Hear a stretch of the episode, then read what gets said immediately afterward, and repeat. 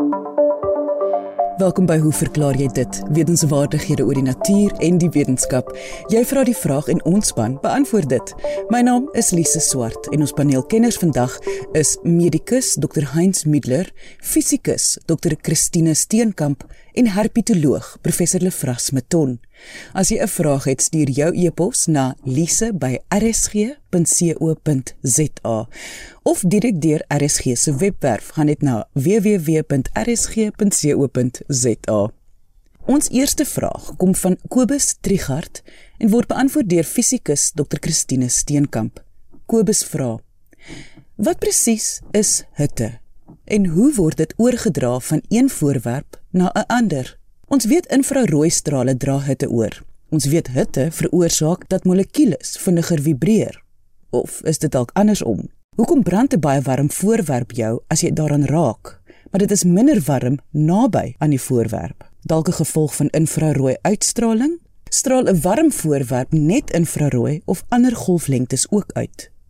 Dr Steenkamp Ons ken almal hitte uit ervaring in die alledaagse lewe, wanneer ons blootgestel is aan sonlig of aan die of die lug om ons warm is. Ons weet uit ervaring dat as ons hand hitte voel, soos ons dit nader bring aan iets soos 'n stoofplaat, dat ons nie daaraan moet raak nie omdat dit ons moontlik gaan brand. Hitte of warmte se definisie is egter nogal kompleks. Ek gaan die term warmte in plaas van hitte gebruik omdat warmte in Afrikaans die wetenskaplike term is vir die Engelse woord heat. Die definisie van warmte is dat dit energie is wat besig is om te beweeg, om van een voorwerp of een stof na 'n ander te vloei. Warmte beweeg spontaan van iets wat 'n hoër temperatuur het na iets wat 'n laer temperatuur het. As ek 'n glas yswater vashou, dan vloei warmte spontaan uit die oppervlak van my vel wat warmer is na die koue glas. Dit laat die oppervlak van my vel effens afkoel sodat my tassintuig my laat weet dat die glas koud is. As ek 'n beker warm koffie vashou, vloei die warmte in die teenoorgestelde rigting van die warm koffie na my vel. As warmte dus die energie is wat besig is om te beweeg tussen twee voorwerpe, dan moet daardie voorwerpe ook mos energie besit. Dit is korrek. Die energie wat in 'n voorwerp of 'n stof vasgevang is, noem ons die interne energie van die voorwerp. As daar warmte uit die voorwerp uitvloei, dan sal die interne energie verminder en as daar warmte invloei in 'n voorwerp, sal sy interne energie vermeerder. Interne energie het 'n direkte verband met die temperatuur van die voorwerp en soos die luisteraar genoem het, ook met die vibrasie of bewegings van die molekules waaruit die voorwerp bestaan. Die temperatuur van enige stof, of dit nou 'n gas of 'n vloeistof of 'n vaste stof is, is 'n maatstaf van die bewegingsenergie van die molekules waaruit die stof bestaan. Bewegingsenergie word ook kinetiese energie genoem. Hoe vinniger die molekules beweeg, vibreer of roteer, hoe meer bewegingsenergie het die molekules, hoe hoër die temperatuur van die stof.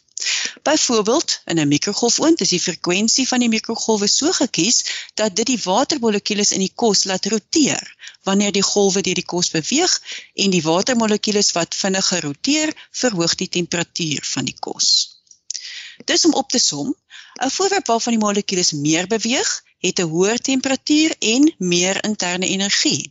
As twee voorwerpe met verskillende temperature naby mekaar is, sal daar energie wat ons warmte noem, vloei van die voorwerp met die hoër temperatuur na die voorwerp met die laer temperatuur. Weens die vloei van warmte sal die interne energie van die voorwerp met die hoër temperatuur afneem en die interne energie van die voorwerp met die laer temperatuur sal toeneem totdat die temperature uiteindelik gelyk is aan mekaar. Daar is verskillende maniere waarop warmte kan beweeg van een voorwerp na 'n ander. Warmte beweeg deur soliede materiale deur geleiding. Ons kan dit vergelyk met die geleiding van elektrisiteit deur metaaldrade. Sommige materiale is goeie geleiers van warmte, wat beteken dat warmte vinnig daardeur vloei. Materiale soos yster en koper is goeie geleiers en dit is hoekom potte en panne van metaal gemaak word sodat warmte vinnig van die stoofplaat deur die boom van die pot tot in die kos kan vloei. Ons gebruik ook daagliks stowwe wat swak geleiers is om die vloei van warmte te beperk. Dit is gewoonlik ligte stowwe wat lug vasvang, soos 'n lekker dik kombers wat keer dat jou liggaamshitte ontsnap, of die vatlap wat keer dat die braairooster jou hand brand, of die isolasiemateriaal wat op die plafon van jou woonplek of om jou warmwatersilinder geïnstalleer is om warmteverliese te beperk. In gasse en vloeistowwe word warmte egter oorgedra deur 'n ander meganisme wat konveksie genoem word. 'n Goeie voorbeeld daarvan is in 'n elektriese ketel. Die element van die ketel verhit die water wat naby die element is. Daardie water sit uit soos die temperatuur toeneem, dit word dus minder dig en beweeg boontoe. Dit word natuurlik onmiddellik vervang met koeler water wat invloei na die element toe en die proses gaan voort. Die beweging van die water laat die warmer en koue water meng totdat die hele ketel se water by kookpunt kom. Konveksie is die rede waarom ek my hand baie naby 'n kersvlam kan bring van die sykant af. Maar as ek my hand bokant die vlam hou, sal dit brand want die warm lug styg op. Konveksie help natuurlik vlamme om te brand omdat dit veroorsaak dat die warm suurstofarm lug wat reeds in die verbranding betrokke was opstyg en die vlam dus 'n konstante toevoer van koeler suurstofryke lug het. Vir konveksie is gravitasie-krag nodig. Sonder gravitasie, soos op die internasionale ruimtebasis, is daar nie konveksie nie.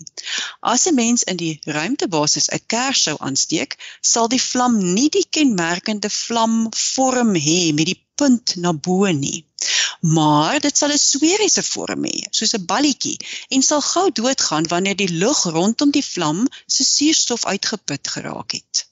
Daar is nog 'n warmteoordragmeganisme wat selfs in vakuum en sonder enige gravitasie kan plaasvind. En dit is die uitstraling van elektromagnetiese golwe. Enige voorwerp wat 'n temperatuur bo kan die absolute nul temperatuur het, straal elektromagnetiese golwe uit, ook ek en jy. Elektromagnetiese golwe bestaan uit 'n hele spektrum van tipes wat verskillende golflengtes het. Sigbare lig is 'n elektromagnetiese golwe waarvan die violet die kortste golflengte het en die rooi die langste golflengte het. As die golflengte nog langer word as die van rooi sigbare lig, kry mens die naby infrarooi, ver infrarooi, mikrogolwe en radiogolwe. 'n Warm voorwerp straal 'n hele band van verskillende golflengtes uit.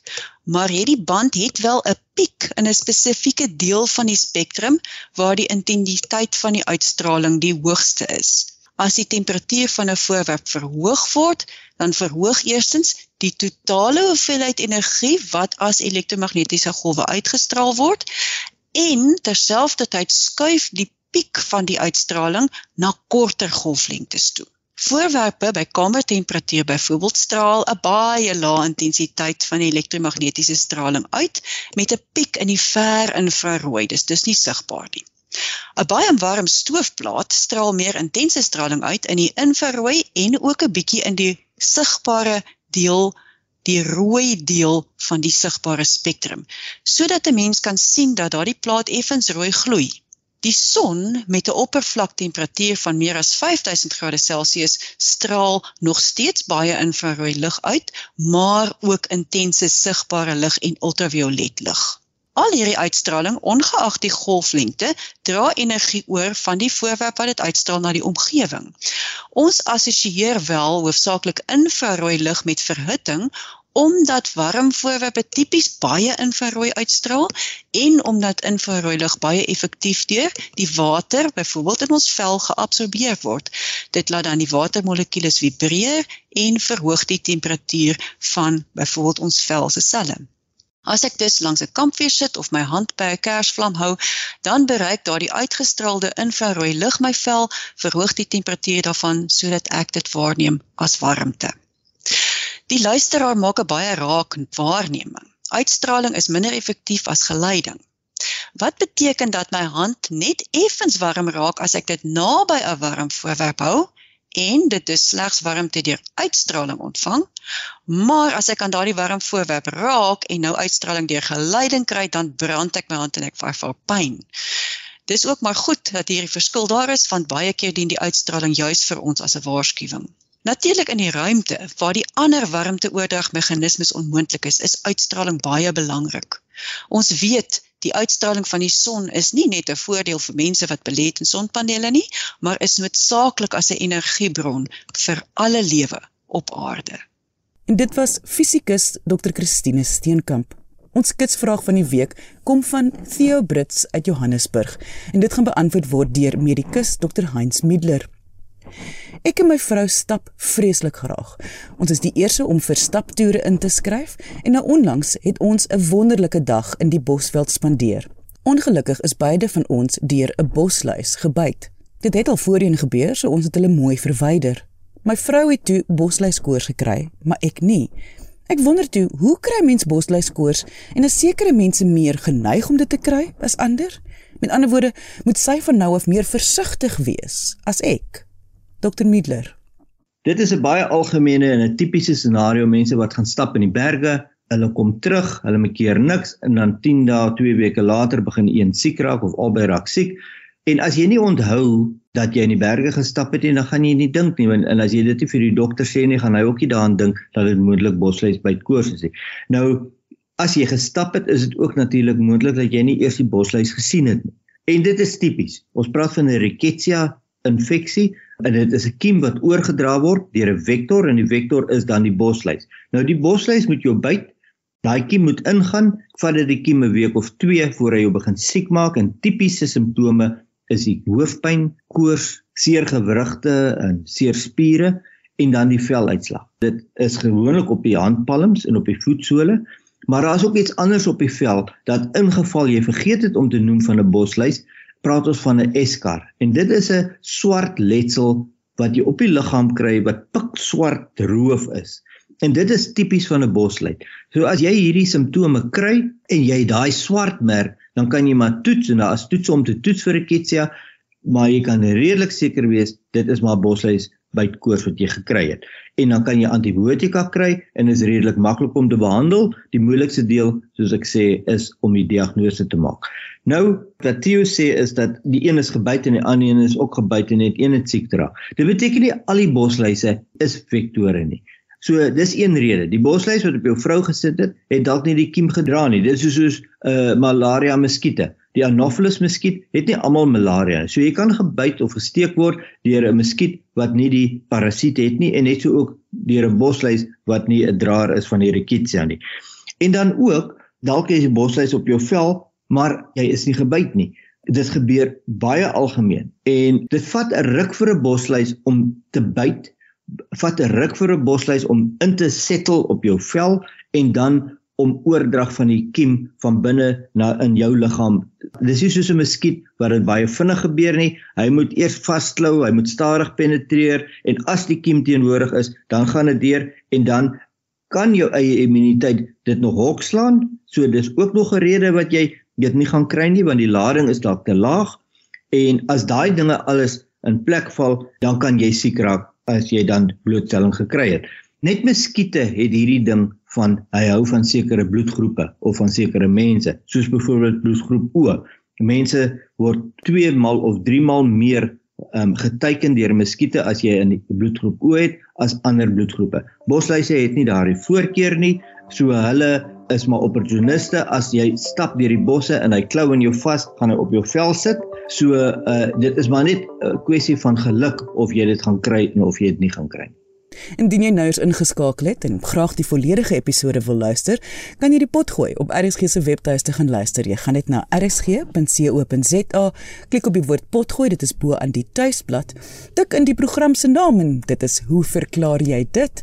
En druk die soekknoppie om nie net na vandag se episode te luister nie, maar na enige van ons vorige episodes ook. Sakkie Blom van Pretoria skryf: Daar is 'n kontry-mite wat al vir jare die ronde doen oor slange wat melk uit koeie se spene drink. Slangkenners is egter van mening dat dit onwaarskynlik is weens die ligging van die slange se giftande. Tog het ek al uit verskeie bronne gehoor dat die bruin veldlikkewaan wel aan 'n koei kan drink. Die likkewaan boots skynbaar die beeswagtertjies na en roep die koeie met 'n fluitgeluid nader. Hy kies 'n koei en span haar dan met sy stert soos wat 'n mens 'n spantou sou doen. Met die agterpote gestut op die grond en die voorlyf en bek opgelig, suig die lukkewaan dan melk uit een van die koei se spene. Wat is die hoe verklaar jy dit paneel se opinie hieroor? Verder hoor 'n mens ook dikwels stories van lukkewane wat eiers uit hoenderhokke steel. Is dit ook 'n mite? Ek het geskakel van 'n kort vertelling met 'n klankgreep deur 'n eertydse beeswagter oor die aangeleentheid. Herpetoloog professor Lefras Meton gaan nou hierdie vraag beantwoord. Ek wil net vir luisteraars sê die klankgreep waarna die skrywer verwys is beskikbaar op RSG se webwerf. Gaan net na rsg.co.za. En dit is absoluut die moeite werd om dit te gaan luister. Professor Meton. Sakkie, ek het nou slegte nuus vir jou hierdie storie van jou is net 'n mite. Met ander woorde, dit is 'n volla storie. Nou ek kan of ek gaan net so 'n paar gedagtes wissel ter ondersteuning van my opinie in hierdie verband. In die eerste plek, 'n likkewaan kan nie fluit soos wat 'n mens kan fluit hy het mos nie daai soort lippe hy het sulke ou stywe lippies en hy kan nie met sy mond fluit nie daar's natuurlik baie diere wat wel kan fluit. Ek dink nou aan al die voëls, hulle het kan hierdie pragtige fluitgeluide maak, maar hulle het stembande, so hulle produseer hierdie uh fluitgeluide met hulle stembande. Likkewane het ongelukkig nie stembande nie. Daar is ander akkedisse wat wel stembande het. Ek dink nou aan aan baie van ons uh naglewende geitjies. Hulle kan mos allerlei interessante geluide um, met hulle stembande maak. 'n Lukkewaan kan nie fluit nie. Hy kan want hy het die stembande nie. Hy kan hoogstens blaasgeluide uh produseer en dit is nog maar om aanvallers af te skrik. Dan nou aan die tweede plek. Lukkewaan het mos 'n redelike of sy stert is 'n redelike stywe affære. Hy sal nou nie hierdie stert kan gebruik om om 'n koei se bene te draai nie. Ek weet 'n 'n verkleemannetjie het nou eintlik 'n ideale stert. 'n Verkleemannetjie het wat ons noem 'n grypstert. Hy die kan die stert om takkies draai en as jy nou 'n verkleemannetjie uit 'n bos haal, dan sal hy daai sy stert ook so om jou vinger draai. 'n uh, Likkewaanse stert is maar so soos ek gesê het, 'n stywe affære. Hy gebruik dit as 'n balanseerorgaan. Hy kan ook met die stert klap na uh, aanvallers as dit nou nodig sou wees. Ek sê nou klap, seker slaan, hy slaan met sy stert. Dan die derde belangrike stukkie inligting uh, teen hierdie uh storie van jou gaan nou oor die vermoë om te kan suig. Nou om te kan suig het 'n dier vleesige lippe soos ons lippe byvoorbeeld of enige soorte se lippe is en 'n breë plat tong nodig. Die lippe van die dier, sê nou maar die likkewaan, moet mos nou daar om die die koei se speen kan vou en sodat die dit dit afgesluit is dat as hy nou sou suig dat hy geen lug uh insuig saam met die melk nie. So dit moet baie mooi dig om die speen kan sluit. Nou 'n likkewaan se tong soos ek net gesê het met die fluit, hy het 'n ou stywe lippies dun lippies wat met skubbe bedek is en hy sal nie uh so om 'n tepel of om 'n 'n speen van die koei kan kan sluit nie. En dan dit help nou nie sê maar hy kon dit nou wel doen. Uh en die melk gaan mos nie nou net begin inloop in sy mond nie om die melk te kry moet hy suig aan die tepel en om te suig het, het die dier 'n breë plat tong nodig en ook uh sekere kiesspiere, uh, spiere aan die kieste wat daardie suig aksie moet bewerkstellig. Nou 'n likkewaan weet ons het so 'n ou dun tongetjie, uh, so gevurkte tongetjie wat dieselfde as 'n slang se tong lyk en hy het ook nie daardie spiere om hierdie uh, suig aksie te bewerkstellig. So ek is jammer 'n likkewaan kan nie aan 'n uh, koei se speen suig nie. Dit gaan nie werk nie. Maar kom ons sê nou dit is hy kon dit nou wel doen. Hy kan wel aan 'n aan 'n koei se speen drink of suig. Dan is die vraag nou sou dit dan nou aangeleerde gedrag wees of is dit 'n uh, gedrag wat hy instinktiewe gedrag. Met ander woorde is dit geneties vasgelê. Kom ons begin met die aangeleerde gedrag. Dit sou beteken dat elke likkewaan wat nou in staat is of wat hierdie tegniek ontwikkel het en ek moet sê dit is 'n redelike ingewikkelde tegniek, hy moes dit nou in, in afsondering ontwikkel het die een het nie by die ander een geleer nie.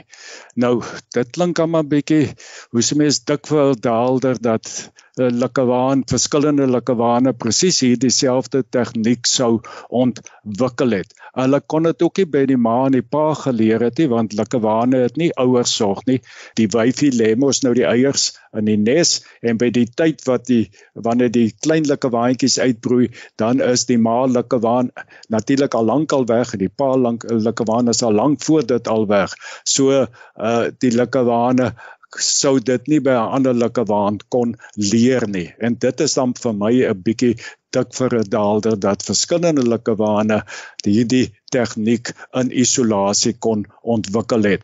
Dan kom ons praat oor die ander moontlikheid dat dit nou uh instinktiewe gedrag is. Met ander woorde dat dit geneties vasgelê is kom ons gebruik 'n voorbeeld. As jy nou 'n klein katjie by iemand besend kry en hy lees of weet sommer van die begin af dat as hy nou daar na die sandboks toe gegaan het om sy ding te doen, dan krap hy dit toe. Dit is instinktiewe gedrag. Dit is in sy genetika vasgelê. Nou dit beteken dan as hierdie tegniek om nou 'n koei te kan melk of 'n koei te kan druk geneties vasgelê is, dan moes dit deur die proses van evolusie ontwikkel het. En dit uh, evolusie of die evolusionêre proses vat baie lank en dit kan duisende jare neem vir so iets om dan nou uh te ontwikkel. Nou wanneer het die beeste nou in Suid-Afrika aangekom of in Afrika redelik onlangs as jy dit nou vergelyk met evolusionêre tyd. So die dit beteken dus dat die die likkewaan sou aanvanklik aan ander soogdiere in die natuur uh, moes uh, melk probeer in die hande kry het. Ek kan my nie indink dat 'n 'n buffelkoei of 'n elandkoei of 'n gensbokkoei nou daar geduldig daar sal staan dat 'n likkewaan aan een van haar spene suig nie. Dit klink nie vir my moontlik nie. Al hierdie dinge wat ek nou genoem het, ek is seker mens kan nou nog klomp ander dinge ook noem, maar alles Hiervan is ook van toepassing op slange. Slange kan ook nie suig nie. 'n Slang sou seker wel sy sy liggaam om die koei se bene kon draai om die koei te span, maar hulle kan ook nie suig nie. Nou die storie van die giftande wat dan nou kon sê sou verhinder dat 'n goeie 'n slang aan 'n koei kon drink. Dit maak nie vir my sin nie want daar's tog baie slange wat nie giftande het nie. Nie giftige slange, luislange, uh molslange, groot slange. Ja, hulle het nie giftande nie. So ek dink dit is 'n 'n belangrike 'n faktor hoekom uh, slange dan nou nie aan koeie sal kan drink nie. Die kwessie van die eiers uh, Likkewane eet wel eiers, dit is deel van hulle dieet. Hulle eet skilpad eiers, hulle sal voël eiers eet uh grondlewende voëls as hulle uh, 'n nes in raakloop. So as 'n likkewaan dan nou aan nou iemand se hoenderhok beland, hy gaan definitief nie nee sê vir 'n klompie eiers in 'n nesie. Dit is 'n natuurlike uh gedrag van hom. So sakkie om op te som, ek is nou jammer dat die die mite uh net 'n mite is en nie die waarheid is nie. Maar dit is tog 'n lekker storie en dit is mos lekker om sulke goed om die braaivleis vir vir iemand anders te vertel. Ek dink dit is nogal sal baie help as mense 'n sinnetjie altyd kan byvoeg wanneer jy nou die storie vertel. As jy altyd kan sê ek het dit met my eie oë gesien. Dit sal baie help. En dit was herpetoloog professor Lefras Meton. Indien jy 'n vraag het, stuur jou e-pos na lise@rsg.co.za. Onthou jy mag onder 'n skuilnaam skryf of vra om anoniem te bly. Ek sê baie dankie aan ons kenners en vraagstellers vandag. Onthou om altyd nuuskierig te bly en vra te vra. Tot volgende week hier op RSG saam met my Lise Swart. Totsiens.